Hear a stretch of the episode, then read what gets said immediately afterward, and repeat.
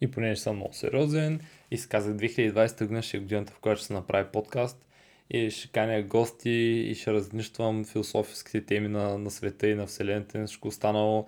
И ето ме тук на 30 декември в 23 часа и 29 минути, правейки първите стотни от първия епизод, даже той е пилотният епизод на подкаста на Един Нетко. Добре дошли!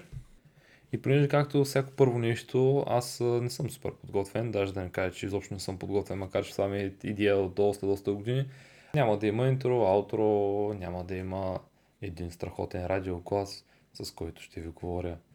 А просто ще на малко и ще ви разкажа какво да очаквате и какво не от следващите епизоди на, на подкаста. Първо, за името, защо това спърта по име, ами поне защото не можа да измисля нещо по-добро, пък и вече си имам блог и една клета групичка в Facebook, която се казва Историята на един в която разказвам моята история. и реших, че е супер оригинално да кръстя подкаста, подкаста на един. Anyways, за какво ще се говорим в, в подкаста? Първо, за сега планирам не само български язик, предполагам, че няма кой знае какъв огромен интерес хората от чуждите държави да се редят на опашка и да, да питат няма ли да преведем този страхотен подкаст на чужд език. За сега на български. И по-конкретно на варненско добрички, така че ако, ако чуете нещо, някоя дума, която не ви е позната или нещо съвсем случайно почне така да ми умеква микрофона, най-вероятно не е проблема във вас и във вашите слушалки а в моят специфичен добрешко-варненски акцент. Добре дошли! Идеята на подкаста за мен е един брендъм, който да правя на седмична база, в който бих, бих споделял научението от седмицата. И понеже понякога има някои супер плодотворни седмици, в които случват супер много неща. Случват се Solar Winds, пада Амазон, Бил Гейтс начепира, птеродактили оживяват и всякакви други неща случват, нали, и просто понякога трябва да окажа това на някого. И затова използвам моя ръбърдък в къщи, моята съпруга, която е достатъчно мила, за да, да не ме накара да, да говоря на котката. На котката Иво, запознаете се с него. Но все пак би било наистина страхотно да можем да се поговорим с някой от вас и да брендъпнем. Темите в броя. А, за момента не съм си измислял някаква мега структура, така че в следващия епизод вече надявам се би имал, а може би не. За момента не планирам да имам конкретен план, по който да, да вървя, защото защото най-вероятно това ще е изменчиво понятие и тази седмица ще има нещо, което другата седмица го няма, но ще поживеем, ще видим. В общи ни това, което аз много бих искал да споделя с вас и да, а, да го направя като някакъв вид рубрика, са някакви общи неща, в които няма да изпадем в анализи. Например, че от Facebook са ликнали някакви данни. Ще се говорим за музика, защото един от драйверите, които ме карат да събуждам сутрин е също с музиката. Сега, понеже аз съм а, музикална тук е момента да реша дали да сме 18 плюс или не корва. Имам доста шарени плейлисти и понякога искам да говоря с хората, да говоря и да говоря. Сега знам, че доста досадно съм се научил с времето да, да свеждам до минимум, но сигурно ще имаме, ще имаме малко музика. The More You Know е рубрика, която идва от блога, в, в която обикновено послах някакви линкове, дъмп с линкове, които имат някакви важни неща в тях, например някакви анализи. Помните преди месец-два група хакери бяха бяха експлойтнали доста добре а, Apple Bounty програм и там обясниха а, как намериха няколко много сериозни дупки в сигурността на Apple. Бяха направили анализ на, бяха обяснили как са направили анализ на тяхната мрежа, какво са намерили, как са направили. И това е един огромен труд, който е отнел доста време за, за анализ, за, за правене, за писане. Това няма как да го обясня, защото ще станат 5 часа а, с, с глупости, но ето, че мога да посна линка и с някакво там с 5 думи да, да обясня какво е това и дали се служава изобщо да го слушате. Естествено ще има обзор с, с всякакви е, тех новини, като ме доста ми са интересни хардуера, хардуерната част на нещата, както и микроконтроли, чрез и на супер високо ниво, нали? естествено няма да, да се говорим за някакви а, контролери, които действат по битово или за някакви програматори на биоси, такива неща, от които магоне точно кошмари от моето ранно детство. Но по-скоро бихме си поговорили за някакви интересни неща. Учипа на новите процесори на AMD и как го набиват на Intel с а, 18 плюс казахме, че сме, нали? абе, няма че как има го набиват с ташаците, а, видеокарти, задължително ще поговорим за, за новата серия M1 процесори на Apple, които ме накараха след толкова много години да отворя преордър сайта на Mac Mini и да много се замисля дали това няма да ми е следващата машина. Наистина съм доста впечатлен.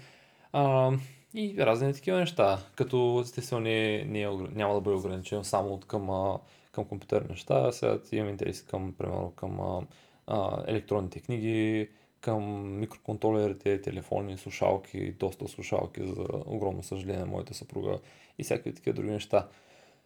Секция книги. Тази година ми е някакъв брутален рекорд с слушането на книги и направих се аккаунт в Storytel и той тази година слушах на 60 книги. И имам доста да споделям за доста книги и за класики и за някакви, някакви извращения, които никога през живота с повече не искам да слушам и за които трябва да доча, но преди да не ги четете, да не ги отваряте, да не ги слушате изобщо и някакви супер брутални неща, които, които никога не съм вярвал, че никога не съм вярвал, например, че ще седна и ще слушам улита или никога не съм, не съм вярвал, че ще седна и ще, а, ще слушам руска класика.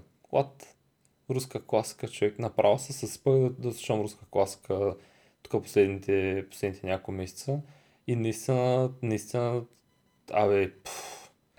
но а, съм доста надъхан да, да разказвам на хора за, за това какво слушам и какво ми харесва, защото наистина има доста неща, които, които наистина се служават да чути. Или не.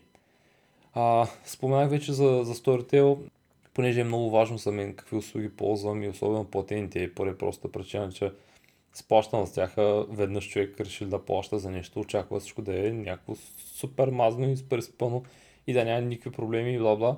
А, ще се поговоря за услугите, които ползвам. Пример, защо ползвам Spotify, защо, защо ползвам uh, Story. Какви са ми другите услуги, които ползвам, защо съм избрал тях, защото, както се усещате, съм направил супер много ресърч, за да мога да харесам нещо, което да му плащам 2 долара месечно и да съм някакъв, нали, радостен и да, и да стърча.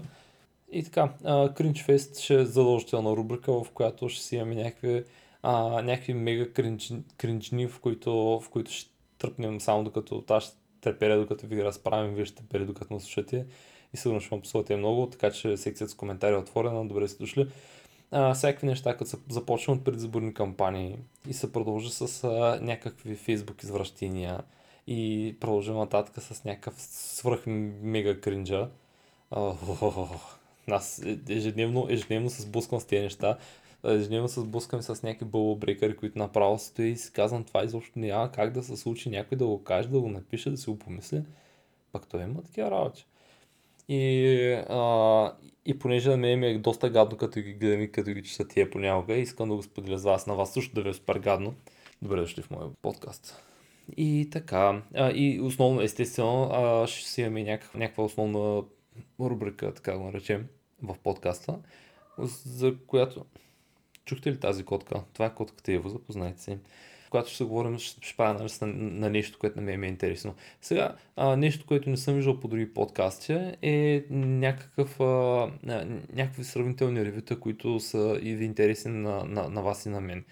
Например, аз много чета, много гледам за някакви ревюта, ако си харесам нещо и съм убеден, че това е нещо, което, т.е. съм 90% убеден, че това е нещо, което ми харесва, отделям няколко дни в усилен ресърч за това дали това е най-правилното нещо, а, това ли е нещо, което бих искал да имам, най-доброто ли е за, за, за парите си и така нататък. И сега ще ви дам няколко примера. Микрофон, с който записвам, който е, който е на Shure и за който ще се говорим нали, по-малко по-нататък, го избирах сигурно 3 месеца. Защо? Ма как? Ма то почва да учи за микрофони. Ама то се то е някаква супер интересна материя. Ма чай сега малко да чуе за студийните микрофони, какво могат, ма що са толкова скъпи. Ма тези слушалките, що им са толкова скъпи така нататък. Нещо, което ме вълнува сега, в този момент е, искам да смена колелото с някакво новичко, нали, за първи път в живота ми, което е фо. И съответно се идва с цената. Правя анализи и понеже смятам, че ми бива до някъде с таладъртата демека, сбиване на, на мега много информация, която съм прочел, която съм, която съм видял, която съм анализирал и смятам, че може би била полезна на някого. Например, за следващия епизод и за първия официален, вече достатъчно а, изпипан епизод на подкаста, например, ще се говорим за, за VSL 1 срещу VSL 2, което е Windows Subsystem for Linux, който само до преди няколко години това ще, ще да бъде, щяхте ме сгорите на клада и ще да бъдат лад, но вече е реалност и даже си има втора версия. А, може да подкарате един съвсем пълен и легитимен Linux върху вашата Windows инсталация, като няма да имате нужда да използвате а, виртуална машина от типа на VirtualBox или на VMware решенията. Но с това малко по-нататък. И основно интересното нещо в това е, че един колега ме провокира, казва, абе, пробвал ли си VSL? А, не, съм, не, не бях го пробвал, тогава беше само първа версия. А, разцъкал го малко, но понеже аз работя от, на, на Linux, Linux, Ubuntu ми е а, основната операционна система, трябва да рестартирам. Подсъках малко, но той се сърби доста и, и, и ми показа, като човек, виж сега нали, как може да подкараш тук идеята, защото той, той ползва IntelliJ идея. И подкара го беше доста, доста развълнуван, но имаше си собствените си проблеми, беше бавен и така нататък. С втората версия обаче имаше бета, после я пуснаха вече официално тук съвсем скоро и той взе, че затръгна се да се интересува какви са разликите и съответно зараби и мен. И се оказа, че има доста, доста големи а, импро... подобрения в, а, в скоростта.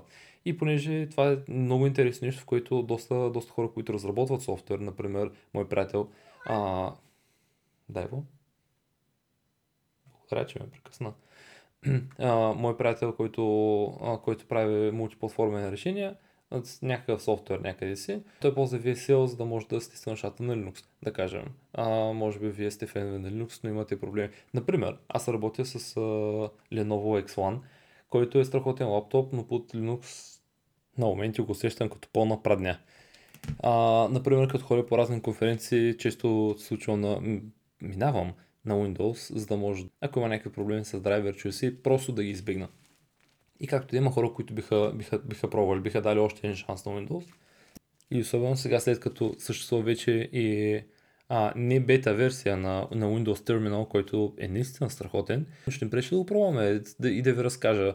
Основните разлики там са, че вече не се ползва някакъв translation layer, който конвертира Linux kernel коловете към Windows колове, но за... няма да влизам в подробности, обещавам, стига съм се отплесвал. И така, да, смятам, започвам съм вече да правя един, а, един голям, голям бенчмарк с Ubuntu 20, 20.04 LTS с VSL 1 и VSL 2, да видим каква е разликата в скоростта, дали има някакви проблеми за, в а, така наречената дневна база, макар че то дневна база с конзолата нали, основно представлява а, Git, билдване, някакви неща, а, изпълня някакви елементарни работи, но все пак дали това би ми било свършил работа на мен като, а, като човек, който се занимава с, с, това би ми било полезно и така нататък. Аз не знам, що обаче по някаква причина си мислех, че интрото ще продължи около 7 часа и 28 секунди. Но ето ни на, на под 13-та минута. Аз спирам да говоря. Надявам се, че ще се срещнем съвсем скоро, т.е. следващата седмица, с вас, където ще имам вече а, повече структура на материал и ще се поговорим хубаво на темите, които, които ни интересуват. За повече контакти може да пишете на podcast.netco.info или в коментарите в, в сайта, както и в Facebook групата. И се надявам да се срещнем с вас пак на същото място след седмица. До нови срещи and stay safe!